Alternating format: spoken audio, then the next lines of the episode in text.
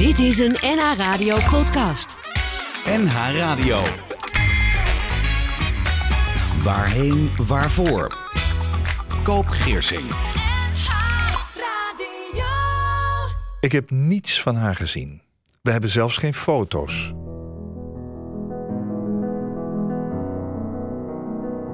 Welkom bij Waarheen Waarvoor op NH. In elke aflevering voeren we een gesprek met een bijzondere gast over het leven en de dood. We behandelen onderwerpen zoals rouw, verdriet loslaten, het hervinden van jezelf, opnieuw opstaan. We waarderen het dat je luistert waar je ook bent en je kunt contact met me opnemen via de e-mail waarheenwaarvoor.nhradio.nl en onthoud, je kunt waarheen waarvoor altijd terugluisteren als podcast.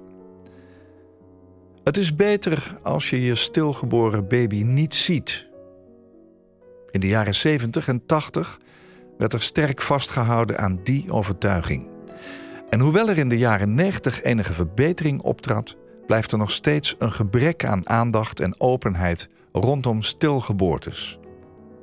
Dit maakt het rouwproces des te complexer. Alles wat weggestopt wordt, komt uiteindelijk weer naar boven. Altijd. Mijn gast is moeder van drie kinderen. Haar oudste dochter Connie werd stilgeboren in 1970. Helaas heeft zij haar niet mogen zien en dus ook geen afscheid kunnen nemen. Hanny van Olst, welkom. Dankjewel. Connie is jouw oudste dochter. Zij hoort bij jouw leven. En welke rol speelt zij daar nog in? Uh, toch met heel veel gelegenheden. Ja? Ja, eigenlijk ja, is ze altijd bij me. Uh, niet dat ik er altijd mee bezig ben, maar wel uh, ja, verjaardagen met kerst. ja, eigenlijk heel veel dingen. Ja. Hoort ze bij ons. Ja, wat is haar verjaardag? Haar verjaardag is 7 juli 1970. Ja, ja. het is bijna 53 jaar geleden. Ja. En nog is het een onderdeel van jouw dagelijks leven. Ja. Um, hoe, hoe, ga je daar samen met jouw man Henk mee om? Uh, mijn man, die, ja, die gaat er toch iets uh, anders mee om. Ik denk voor een, een moeder dat het toch weer uh, anders is. Je Ja. hebt het kindje bij je gedragen. Ja. En ja, voor, voor, voor hem is het toch, heeft wel heel veel begrip. ik kan mijn verhaal kwijt. Ja. Maar op een gegeven moment zegt hij, ja, het, het is nu goed zo. Ik, ik wil er niet altijd mee, mee bezig blijven. Nee, nee, nee. Hij respecteert mij wel. Dus ik, ik mag wel ja, daar mee bezig zijn. Nou ja, je hoort ook wel een beetje aan mijn uh, vraagstelling. Ik ben natuurlijk een buitenstaander. Ik heb het niet zelf meegemaakt. Hè? En dan, dan denk je, ja, 53 jaar. Maar het is zo belangrijk om dat te vertellen. Want het gaat natuurlijk nooit weg. Nee. Nee, het gaat nooit weg. En dat wil je ook niet. Nee. Nee, het, het hoort bij jouw leven. Ja. De, ja je, je bent jong en uh, we waren blij dat we, dat we zwanger waren. En Ja. je kijkt uit naar je, naar je kindje en alles, uh, ja, alles zelf gemaakt. Dat was nog in die tijd. Dus, en dan, uh, ja, dan, dan gaat het toch uh, niet goed. Ook niet voorbereid. Nee. Er werd ook niets verteld van Nee. tevoren. Dat was die tijd natuurlijk. Hè? Nee, dat was ook in die tijd. Nee. Er waren ook geen echo's. Verder het was alleen maar uh, ja, zo'n houten toeter, noem ik het dan. En, Oh ja, dat, je kan me de nog wel herinneren. Heb ik al eens gezien, ja. Oh, dan werd er op de buik mee geluisterd. Ja, en ja, dan ja. eh, dacht de dokter iets en dat hoorde je dan ook niet. Ja, en verder dan, ja, dus toen, toen, ja, de schrik was heel groot. Ja. Dat je dan geen levend kindje hebt.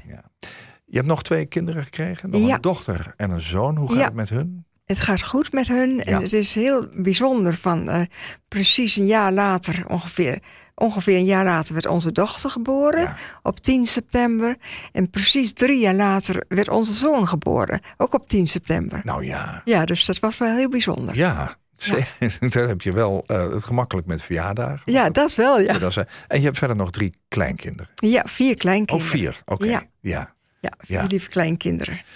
Eh, ik zie een blij gezicht als je dat vertelt. Ja, Eh, Je, je- maakt ook een dankbare indruk. We hebben dit gesprek natuurlijk voorbereid. Ja. Ben je ook dankbaar? Ja, ik ben ook heel dankbaar. Ja. Want het was heel verdrietig eh, wat we meegemaakt hebben. Maar er, komen zoveel andere dingen weer. Op een gegeven moment dan je, je, ik stop het niet weg, maar eh, ik kan toch wel genieten van andere dingen. Ja. En dat is ook het leven. Ja. Hè? Tenminste, moet je dan wel kunnen, maar ja, ik ben toch wel blij dat, ja, dat ik het kan. Ja. Je vertelde me al eerder dat het goed met jullie gaat. Je vertelde dat ook net in de uitzending. En sinds een jaar eh, of twee wonen jullie eigenlijk weer in jullie geboorteplaats Heerde. Ja, En, en schrijf je dat is dicht bij het plekje waar Connie begraven ligt. ja dat klopt. Ehm, jij was zwanger van Connie eind 1969. Ja, Over de overgang naar 1970. Hoe zag jullie leven er toen uit? U was vrij jong, begrijp ik. toen waren we heel jong en eh, we konden ook geen, eh, geen huis krijgen. Dus we, we, en we hadden al een hele poos verkering. Ja. Dus toen eh Henk zijn opa en oma, die woonden in een klein huisje. En toen opa en oma waren overleden. En toen mochten wij dan in dat kleine huisje wonen. Dus dat, waren we best heel gelukkig. Oh, zo ging dat. Het was heel klein, Ja. maar ook wel weer knus. ja, hoe oud was jij? Toen was ik eh 21. Ja. En toen raakte je zwanger. Ja, ja. En hoe, de, hoe ging dat, die zwangerschap? nou, op zich, eh, ja, ging het best wel goed. En eh, ja, ik voelde me prima. En ja, heel onbezorgd ben je dan ook nog. Ja. En ja, af en toe de controles bij de verloskundige. En, maar op een gegeven moment bleek dat die bloeddruk veel te hoog was. Jouw bloeddruk? Mijn bloeddruk veel Ja. te hoog. Ja. En eh, dat was de reden toen dat ik naar het ziekenhuis moest. Jij was zwanger, er was eigenlijk niks aan de hand. Je had geen voorlichting in die tijd, Nee, denk ik. nee. Hè? Van dit ik- gaat er precies gebeuren. Je kon op internet niet even opzoeken. Nee, wat nee, dat was wachten? niet. Nee. Hoe, hoe- vond je het ook spannend om zwanger te zijn? Kun je dat nog herinneren? Eh, ja, ik vond het wel spannend, maar ook wel heel mooi. Omdat Ja. je verder nog niets wist. Dus eh, Nee. ja, ik, ik, ik vond het gewoon ja, best wel genoten ook van de zwangerschap. Ja. ja. Toen bleek jouw bloeddruk te hoog te zijn. Ja, ja. Ja, nou ja, dan zou je zeggen, een pilletje en dan gaat het wel weer. Maar zo werkte het niet nee, helemaal. dat werkte niet. Want eh, op een gegeven moment zei ze van... eh, ja, ik moest eerst dan maar alles zoutloos. Nou, prima, dat Oh, doe ja. je dan. Ja. En rustig aan, oké, nou.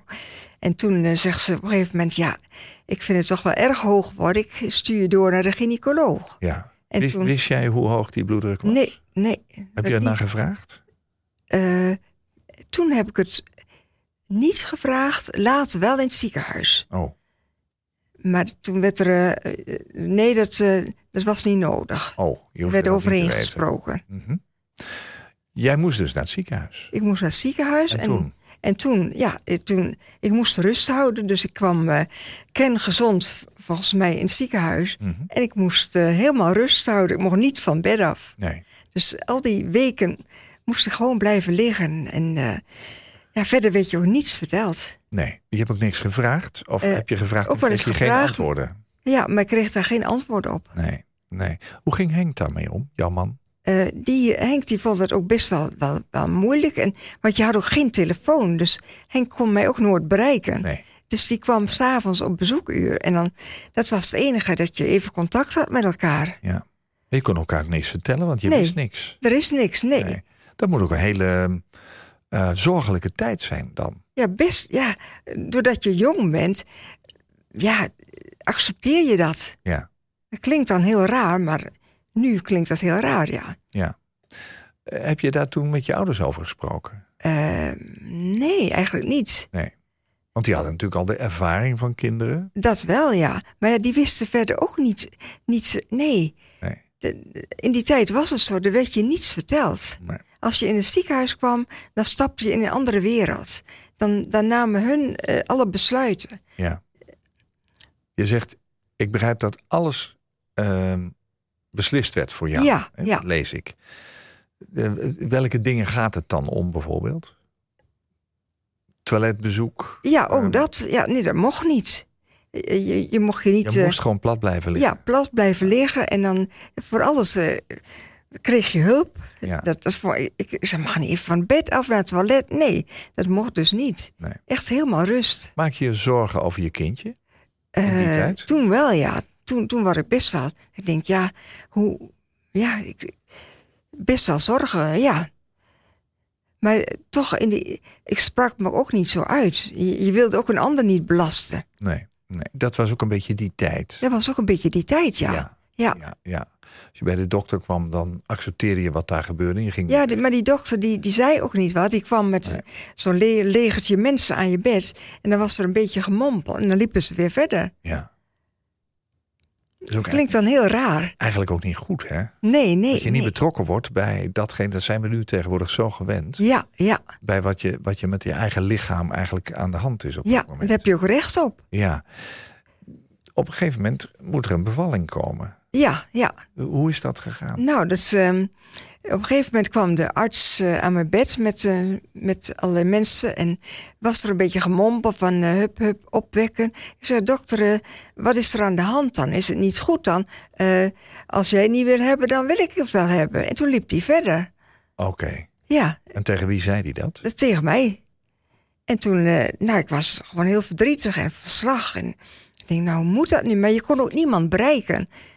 En eh, toen kwam Henk s'avonds.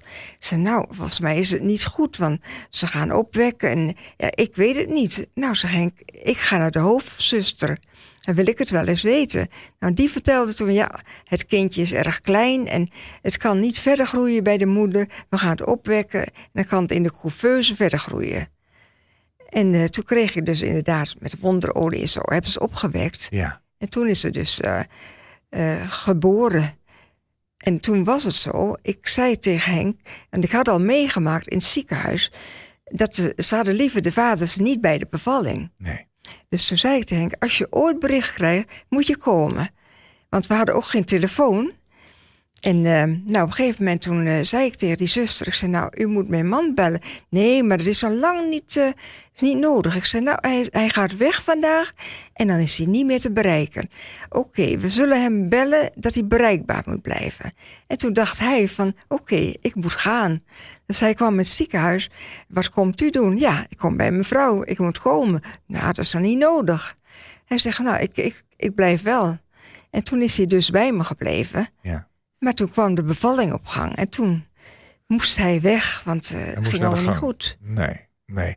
Hoe kwam die op gang en heb jij die bevalling bewust meegemaakt? Ik heb eh, een stukje meegemaakt. Het was een eh, stuitbevalling. Dat hadden ze wel gezegd. Dat wil zeggen dat het kindje andersom ligt. hè? Ja, dat eerst de beentjes komen. Ja. En toen op een gegeven moment kwamen de beentjes. En ik zag nog dat ze helemaal blauw waren. Toen zei ik tegen de dokter, het is niet goed hè. Toen sch- schudde hij met zijn hoofd. Eh, En toen eh, ben ik onder narcose gebracht. ja. En toen, eh, voor de rest, heb ik dus niets meer gezien. Nee. Dat was eigenlijk voor jou het, het slot. Je hebt Ja, die beentjes nog kunnen ja de zien. beentjes, dat weet ik. Ja. Ja. En toen kwam ik dan weer bij. Toen zat Henk naast mij. En die vertelde toen van, dat ze, ons kindje doodgeboren was. Dat niet meer leefde. Ja. En dat het een meisje was. Maar dat wist ik ook allemaal niet. Nee. Nee. En dat was het voor jou. Ja, dat was het voor mij. Ja. Hanny van Olst is mijn gast in Waarheen Waarvoor op NH. Tijdens haar zwangerschap lag ze vier weken in het ziekenhuis. Hanny mocht niet van bed. Alles werd voor haar beslist. En op vragen kwam geen antwoord. Zij mocht niet weten hoe hoog haar bloeddruk was. En zo stapte zij vanuit het gewone leven in een hele andere wereld. Op een gegeven moment mompelde de arts iets over het opwekken van de bevalling. Maar Hanny kreeg geen antwoord op haar vraag wat er aan de hand was. En na de bevalling onder narcose bleek haar dochter te zijn overleden. Hanny kreeg haar niet te zien.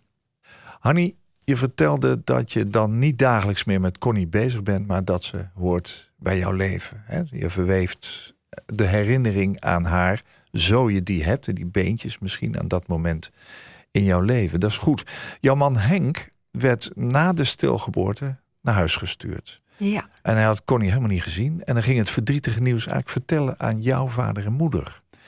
Wat gebeurde er toen? Eh, toen eh, mijn, vader, mijn, eh, moeder die zei, mijn moeder zei van... Ja, maar ik, ik wil wel heel graag het kindje zien. En toen zei Henk... Oké, dan gaan we terug naar het ziekenhuis. Want ik lag in het ziekenhuis. Ja. Dan gaan we terug en dan gaan we het kindje kijken. Ja, En eh, zij gingen terug naar, naar het ziekenhuis. Ze kwamen daar aan en in het ziekenhuis zeiden ze... het is niet de gewoonte, dat is niet de gewoonte dat het kindje nog weer gezien wordt. Nou, toen zei Henk van, ja, maar ik, sta erop. Wij willen wel het kindje zien. Toen hebben ze een uur moeten wachten, want op een of andere manier konden ze het niet vinden. En eh, nou, na lange tijd lag het dan ergens op de verloskamer. In een halletje bij de verloskamer. Dus eh, wij vermoeden achteraf dat ze dat nooit verwacht hadden dat ze gingen kijken. Nee. En dat ze toen nog aangekleed hebben, waarschijnlijk. En toen hebben ze inderdaad het kindje gezien. Ja. Eerst mochten mijn, zijn schoonouders het niet zien, mijn Ja, ouders. Jouw ouders. En later dus wel. Ja, En achteraf bleek dat het gewoon een heel mooi meisje was. ja, En dat ik het best had kunnen zien. Ja. ja ja. het was beter voor een moeder ja, om het niet te zien. Nee, dan zou je er ook niet aan hechten, was dan de overtuiging. Ja, ja, ja. Ja, het is Ja. misschien allemaal niet heel verkeerd bedoeld geweest, maar het, Nee. ja, de uitwerking is toch niet fijn. Nee, het was gewoon... Nee. eh, en helaas, ik ben niet de enige. Nee. Het is bij zoveel mensen gebeurd, zoveel moeders. In die tijd zeker. Dat vind ik heel triest. Ja, dat is het ook. Ehm, heb jij, eh, want jij hoorde op een gegeven moment dat Henk eh, Connie, want zo, die naam kreeg ze mee, Ja, toch gezien had. ja. Heb jij niet eh, gedacht van, nou, dat wil ik ook? Of eh, heeft Henk ook niet gedacht, ik breng het even bij haar op de afdeling? Hoe, hoe ging dat? Nou, toen, eh, toen Henk dus... eh, Connie is vrijgehouden eh, na, na de geboorte, nadat hun het gezien hebben... Ja. is het opgehaald door de begrafenisondernemer... en in een eh, aula geplaatst. Was dat jullie eh, voorstel? Het was helemaal... Ja, wij waren er niet mee bezig. Het Nee, was, er eh, is van niks, dat werd gewoon gedaan. ja, het werd gewoon gedaan. Vanuit het ziekenhuis. Ja, ja. En eh, mijn schoonmoeder die zei, ah, ik had het ook wel graag willen zien. Ja. Maar toen zeiden ze bij die aula, dat kon niet meer, want ze had het kindje helemaal ingepakt en kon- dat kon niet meer. Nee, dat Dus werd mensen- echt helemaal voor je besloten. hè? Ja, ja, Jouw vader is grafdelver, was grafdelver. ja, Die heeft het kindje begraven. ja. Ja. Hoe is dat dan gegaan?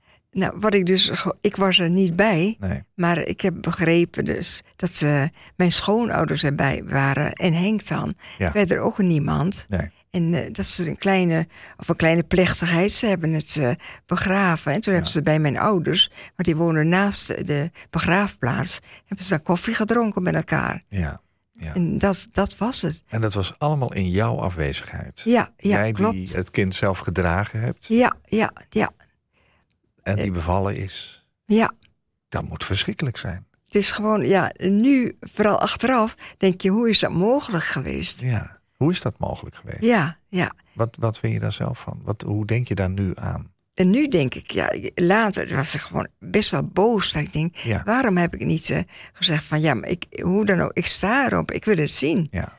Ja. En ik heb ook wel gezegd bij een volgende zwangerschap, eh, hoe dan ook, hoe het er ook uitziet, ik Ja. wil het zien. Ja. Het zal me nooit weer gebeuren. Nee, want dit neem je de rest van je leven mee. Dat neem je altijd mee, ja, ja, Ja, het enige wat jij gezien hebt, dat zijn dus die, die beentjes. ja, ja dat een klopt. stukje daarvan. Ja, dat, eigenlijk achteraf ben ik blij dat ik daar nog iets van gezien Ja, heb. ja, was toch een soort bewijs. Ja, ook, ook, en dat ik toen toch wist van, hé, hey, het is niet goed. Ja, Dus toen ik bijkwam uit de narcose, wist ik dat het niet goed was. Nee, nee. Dat, toen was ik een beetje voorbereid. Je je zegt, hè, het, het is natuurlijk een, een, periode geweest die emotioneel ook heel veel met je doet. Ja, je bent ja. boos geweest en zo. Wat deed dit alles met jullie relatie? Want eh, Eh. je kunt het allebei op een andere manier, eh, zeg maar, ervaren. Ja, ja. Eh, eh, Heeft dat, is dat spannend geweest? Heel spannend geweest. Toch wel? Ja, echt heel spannend. Ook best, ja, dat je boos was. En Ja, ja, Henk die werkte en ik was toen nog thuis. En ja, ja, op een gegeven moment dan, dan dacht hij ook, ja, ik heb geen zin altijd met die verhalen. nee, Dus dat snapte ik ook wel. Maar ja, ik kon hem niet altijd begrijpen. nee. Dat was wel een hele moeilijke tijd. Ben ik boos op Henk geweest? Ja, ja, echt wel. Ja. En later denk ik, ja, nou, ik kan Henk ook wel begrijpen. Ja. En die kreeg ook totaal geen begeleiding.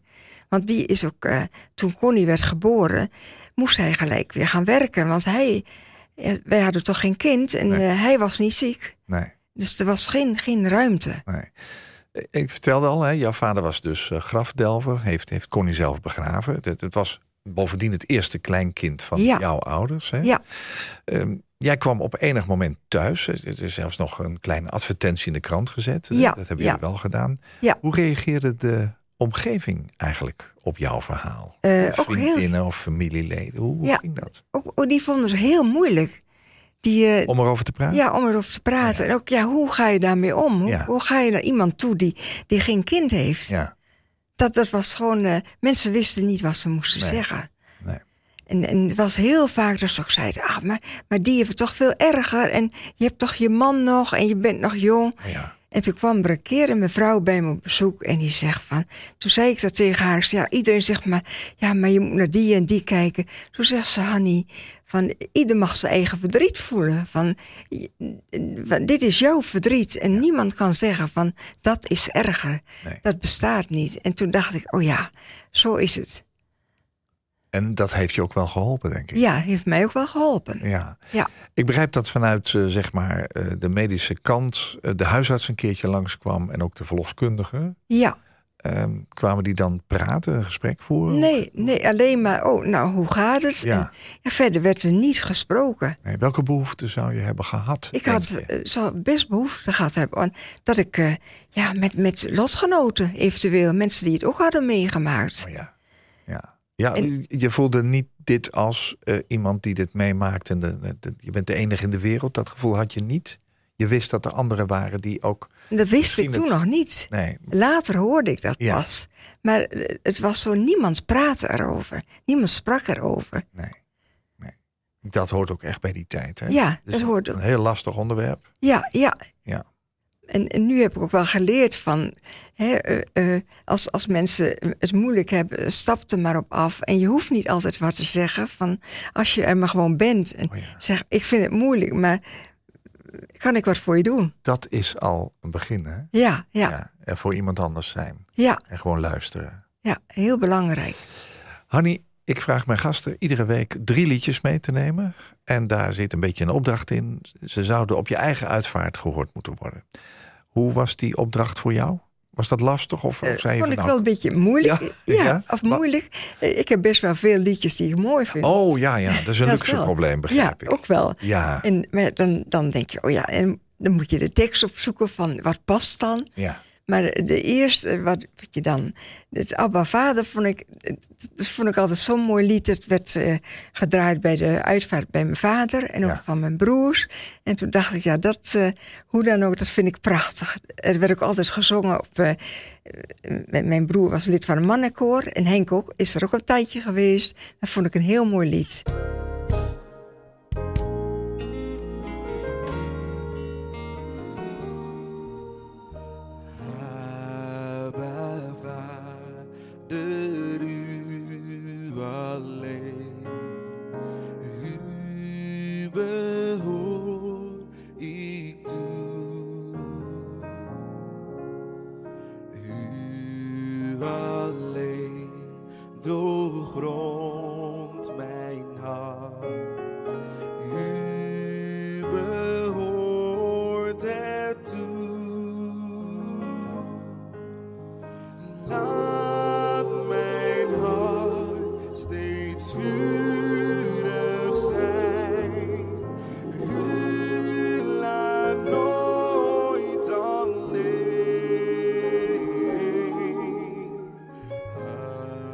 Abba Father.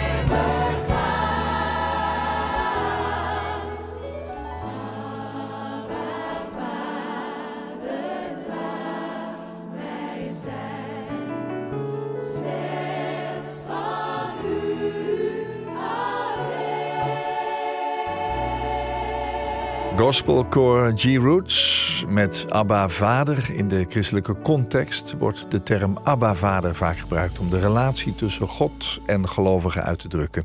En het woord Abba is een Arameense term die vader of papa betekent. Hanny van Olst is mijn gast in deze aflevering van Waarheen Waarvoor. Haar eerste kindje heeft na de geboorte niet geleefd en Hanny heeft het nooit gezien. Hanny, na een tijdje ben je weer aan de slag gegaan in een kledingzaak waar je daarvoor ook werkte.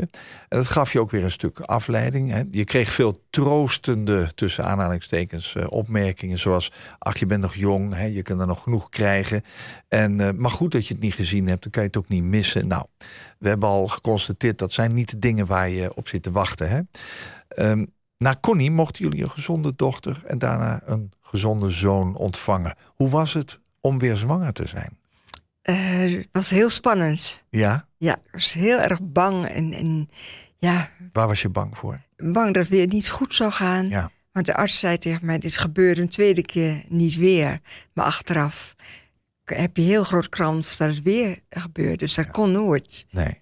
Maar uh, toen werd uh, onze dochter geboren. En ja, het was natuurlijk uh, echt feest. En ook de omgeving van, Ja. wat fijn. En dus ja, je, je zat eigenlijk op een roze wolk. En, en maar niemand zei van... eh, niemand was meer bezig met ons eerste kindje. Nee. En het was zeggen, nou, nu is het allemaal goed. En dan moet je het maar vergeten. Ja. Maar zo was het natuurlijk niet. Nee.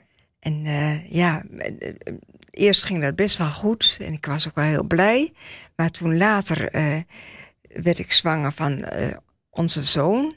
En toen gingen we ook verhuizen naar een andere plaats. En wat ik eh, ook niet prettig vond. Ja, ik kende daar niemand. Nee. En eh, niemand wist ook van onze achtergrond. Nee. Dus toen. Dat, eh, dat was dus niet juist gemakkelijk. Nee, nee, dat was niet. Dat je een soort nieuwe start kon maken. ja, ja. Ik was zes maanden zwanger. En dan, ja, de arts wist nergens van. Nee.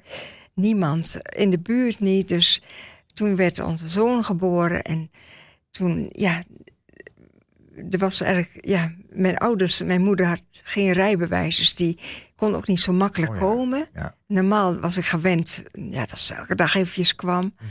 Dus toen, eh, en ook, eh, ja, omgeving niet. Ik kende heel weinig mensen. En eh, toen ben ik eigenlijk min of meer ingestort. Ja. Het was echt een eh, postnatale depressie. Oh, ja, ja. ja. En, en, en zelfs toen, dat was ook nog niet bekend wat het precies was. Nee.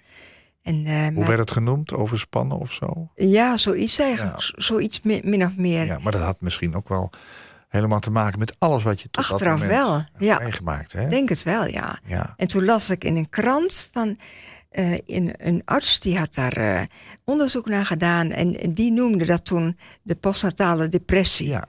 En toen dacht ik, hé, hey, dat is het. Maar ook dat hadden artsen niet in de gaten. Nee. Maar gelukkig ben ik toch opgekrabbeld met steun ook wel van de familie en Ja. ook van Henk. Hoe lang heeft dat geduurd? Eh, nou, toch wel een, ja, ik denk een half jaar of zo. Ja.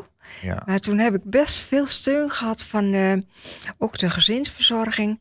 Die de, de leidinggevende zei van, joh, eh, je gaat maar met Henk eh, even winkelen. En wij zorgen voor de, voor de kindertjes. Ja. En dat was, die had er heel veel begrip voor. Ja. En zodoende is het toen geleidelijk aan beter geworden. Mhm. En Ja. ja, ja toen, toen kon ik ook eh, ja, genieten van, Je zegt van ook alles. begrip, hè? Dat is een heel belangrijk Ja, heel belangrijk. Wat je in je leven nodig Ja. hebt om ook weer volgende stappen te kunnen zetten. Ja, ja. Heb jij eh, op enig moment verteld van Connie aan jouw dochter? Eh, ja, dat heb ik. Eh, ja, Wanneer heb je haar eigenlijk verteld dat zij niet het eerste kindje was? Zoals nou, ze dat misschien wel dacht. we waren op vakantie in eh, Joegoslavië. En toen begon het een keer te onweren s'nachts. En toen zaten we, we kampeerden met een tent. En toen Ja. zaten we bij elkaar in de tent. En toen heb ik tegen haar verteld van, eh, van dat ze nog een zusje had die daar overleden was. Ja. En Hoe oud was zij toen? Nou, dat weet ik niet precies meer. Was kind nog? Toch wel vrij jong was ze Ja. nog. Ja. Ja, ik denk, ja, dat f- zeven, acht of zo. Ja. Ja, want daarvoor, eh, ik had natuurlijk geen, geen foto's, niets. Nee, je kon niks laten zien. Ik had hè? niets tastbaars. Nee. Wat, wat, hoe reageerde zij? Wat, wat ja, was zij, later zei ze eens tegen mij, ik was een beetje boos op jou van, waarom heb je dat niet eerder verteld? Oh ja? Ja, maar de, ja, dat moment was er gewoon Ja. niet. Nee, nee. Je hebt daar ook mee gewacht op de een of andere. Ja, dat, er, er moest dan ook net een moment zijn. Ja, ja. Kun je met haar goed over hebben? Ja, ja, heel goed. Toen jouw zoon geboren werd, heb je toen op dezelfde manier ook hem verteld dat er eigenlijk nog een Eh, ja, Connie is? ja, dat weet ik niet eens meer precies hoe dat gegaan is bij, Nee. bij onze zoon. Nee. Hoe dat eh, gegaan is. Ik kan niet eens een moment meer vertellen hoe dat toen, eh, of dat, dat onze dochter daarover gesproken heeft. To- toch wel anders weer. Ja, ja.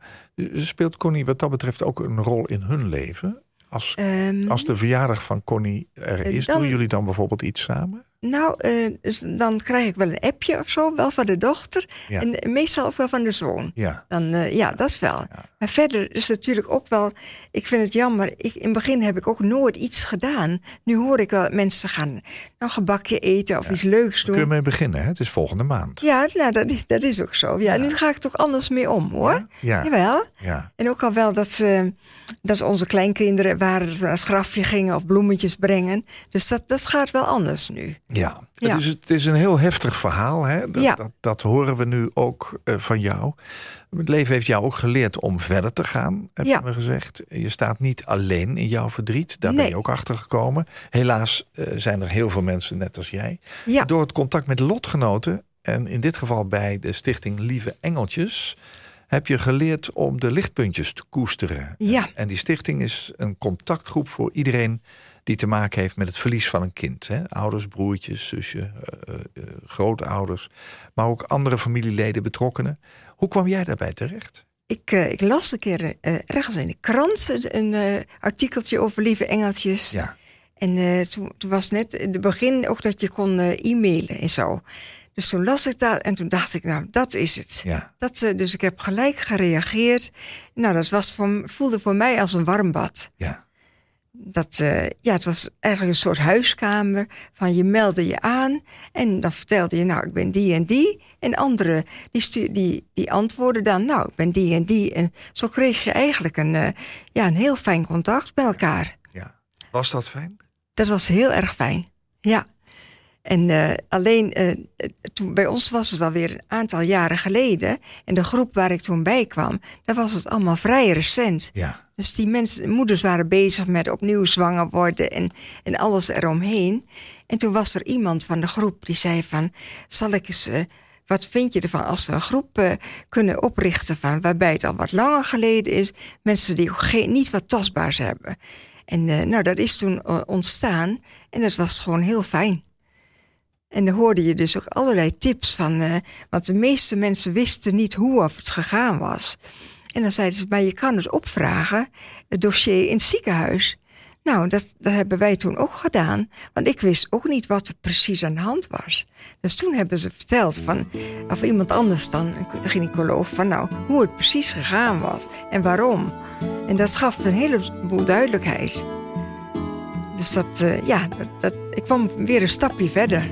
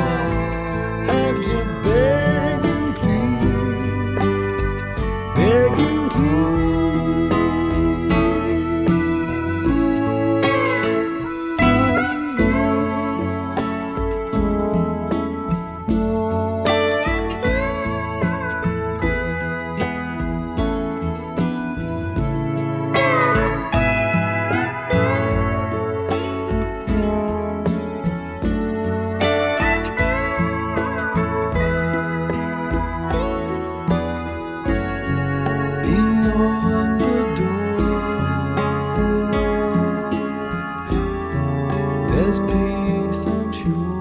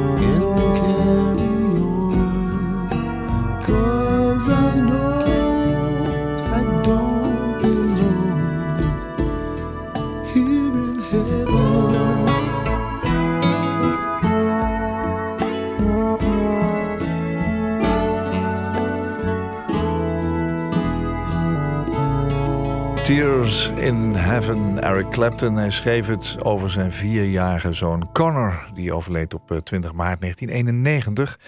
nadat hij uit een raam op de 53ste verdieping viel... in het appartement waar zijn moeder verbleef in New York.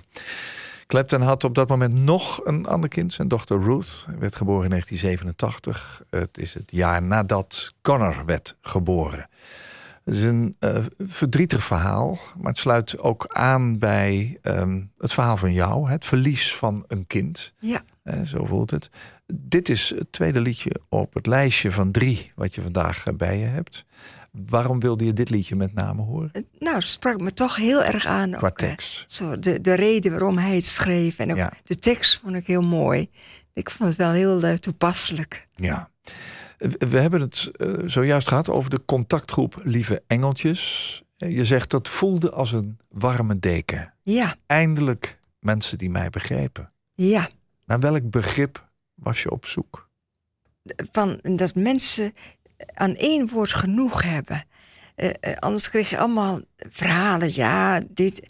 En nu was het van, ja, zo herkenbaar. Ja. Van, ja, mensen konden naar je luisteren. Van, ik, ik, ik vind het moeilijk. De, de dag komt eraan, de verjaardag. Van, ja, ook de reacties van de omgeving. Van, Ja. Hoe kan je daar het beste mee omgaan? Ja. Gewoon, ja, je, je kende elkaar niet en toch, toch had je een sterke band met elkaar. ja. Over die lieve engeltjes zeg je, het is een eh, digitale huiskamer. Ja, Met een touwtje uit de deur. Hè? Je bent altijd welkom, er is altijd een luisterend oor. Hoe werkt het eigenlijk? Hoe werkt die stichting? De, de stichting werkt als jij eh, te maken hebt met, eh, met verlies of, of hoe dan ook. Dan kan je je daar aanmelden en dan gaan hun kijken vanuit bestuur van waar in wel, welke lijst past bij jou. Ja. Is het lang geleden? Nou, dan, dan kom je dus bij de groep van eindelijk tastbaar. Maar is het nog maar heel kort, dan heb je andere groepen waar je dus eh, geplaatst wordt. Ja, er wordt dus gekeken van waar pas jij het beste bij. Ja, ja. Je zegt het al, hè, die groep eindelijk tastbaar. Dat zijn veelal, eh, begrijp ik, oudere moeders, waarbij Ja. het dus langer geleden is. Ja, Velen hebben vrijwel niets tastbaars. Hè? Net als klopt. jij, geen foto's, kindje niet gezien, geen begeleiding. Nou, dat past natuurlijk helemaal in jouw verhaal. ja, En sommigen weten niet eens waar hun kinderen begraven of gecremeerd zijn. ja. Eh, j- jij bent daar hulpgans geworden. Wat een mooi woord. ja, Eh, ja. Wat, wat is dat en wat doe je dan? dan doe je dus, eh, ja, je bent eigenlijk een soort eh, gastvrouw. En, je, je heet iemand welkom. Ja, En je probeert ook, mensen proberen als ze meemailen. En als je een poosje niet wat hoort, van, om ze bij te betrekken. En, en ook de, als de verjaardag komt van je engeltje, dan eh, stuur je een berichtje naar de. Je hebt een groep mensen die eh, hele mooie digitale kaarten maken. Oh ja. Die ze dan sturen op de, de verjaardag of overlijdensdag van hun engeltje. En dan, ge- dan geef jij dat, de hulpgans geeft dat dan door. Van dan en dan komt er een verjaardag van. Nou, dan wordt, wordt er een mooie kaart Is gemaakt. het voor jou ook heel fijn om hulpgans te zijn? Ja, is wel heel fijn. Alleen, eh, het, ik vind het wel een beetje lastig ook, omdat de meeste mensen, daar is het eh, vrij lang geleden. Ja. En de mensen gaan eh, ja, proberen ook hun leven verder op te pakken. Dus Begrijp je wat- dat? Net als bij Dat heb mij. jij ook gedaan, hè? Ja, Ja. en dan, de, die mensen zijn weer druk. En dan ja, hebben ze niet zo'n behoefte meer om eh, intens te mailen en contacten. Nee. Maar ze vinden het wel heel fijn Ja. om bij de groep te horen. ja, maar dat is misschien ook een heel natuurlijk verloop, toch? Ja, Dan? dat denk ik ook. Denk ik. Ja, Ja, Eh, ik heb in het begin van de uitzending al gezegd: hè, het is beter als je je stilgeboren baby niet ziet. Dat was de opvatting in de jaren 70 en 80. Hoe is dat nu, denk je? Vind je? eh, totaal anders. Ja, en ook gelukkig veel beter. Wel beter. Ook als ik om me heen hoor van, ik weet van iemand, kindje was overleden, die hebben ze in water opgebaard. Dus ze namen het kindje mee, ja, klinkt raar, in Nee, de koelkast. maar ze dat. konden elke dag eh, met een gezin van het kindje genieten. Ja, En dat, dat vond ik zo mooi. ja, En, en ook, je kan de uitvaart regelen zoals jij het wil. ja. En, en Ja. ja. niet dat. eh, Vroeger was. Anderen beslisten alles en zo gebeurde het. Maar gelukkig kan het nu op, op eh, ja, zoals jij het wilt. ja. Je zegt het verdriet blijft hetzelfde. Maar een goed en rustig afscheid zal beter zijn voor het omgaan met dat verdriet. Nou, geloof ik zeker. Je hebt dat afscheid niet kunnen nemen. Hè? Dat, dat blijft lastig. Dat is, blijft lastig, maar daar kan je op een gegeven moment. Ja, dat kun je niet veranderen. Nee. Dus eh, ik ben gewoon heel blij dat het nu anders is. Ja, En, en dat gun ik die mensen. Ja. En soms zeggen ze wel eens: Ik vind het voor jou na, want jij hebt dat niet gehad. ja. Maar ik, ik gun gewoon anderen dat die dat wel hebben en dat niet hoeven mee te maken. Nee. Zullen we in dat kader luisteren naar het derde liedje wat je bij je hebt? Ja, en eh, mag ik daar iets bij toevoegen? Heel graag. Dat ik, eh, dat liedje, ja, is ook wel een vorm van blijdschap. En dat doet me ook heel erg denken aan mijn, eh, onze schoonzoon, die helaas ook heel jong overleden is. Die dol was op zijn kinderen, maar ze niet mocht zien opgroeien. En die altijd ontzettend ja, veel plezier met ze kon maken, zolang als hij kon leven. Dus dat, Arjan, we denken aan jou. Dat zal, zal die mooi gevonden hebben.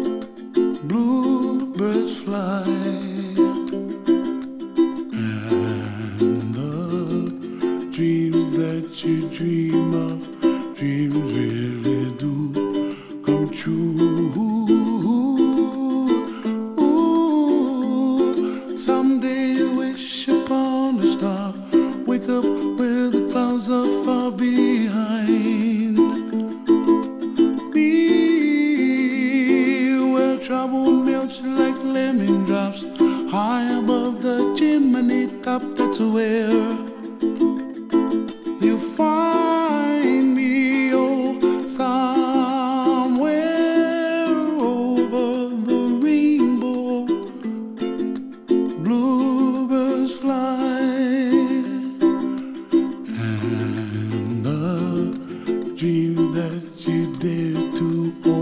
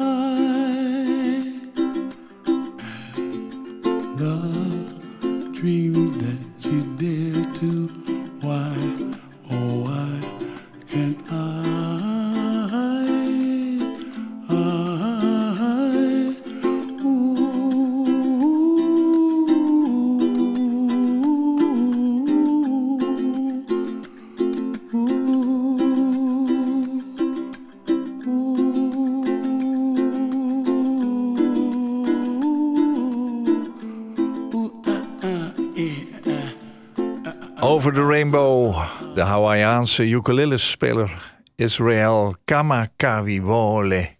Die nam het op als een medley met What a Wonderful World voor zijn album Facing Forward uit 1993. En deze versie werd ook gebruikt in eh, diverse films en in de tv-serie ER. En Israel Kamakawiwole, het is een mooie naam, overleed in 1997 in de leeftijd van 38 jaar.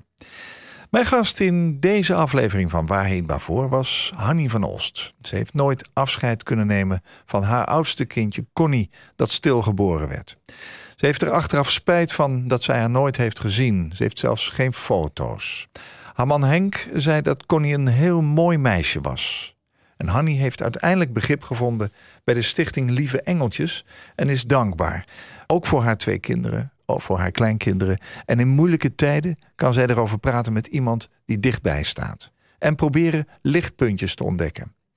Af en toe de rust opzoeken op een bankje op de heide. Hanny, dank dat je je verhaal met ons wilde delen. Ik wens jou en Henk alle goeds toe. Dank je wel. En dank ook voor het werk wat je doet hè, voor de lieve engeltjes. Ja. Dank je wel. Koop Geersing. Als jij een keer te gast wilt zijn in Waarheen Waarvoor om te vertellen over jouw levensreis, laat me dat dan weten via waarheenwaarvoor.nhmedia.nl. Waarheenwaarvoor.nhmedia.nl.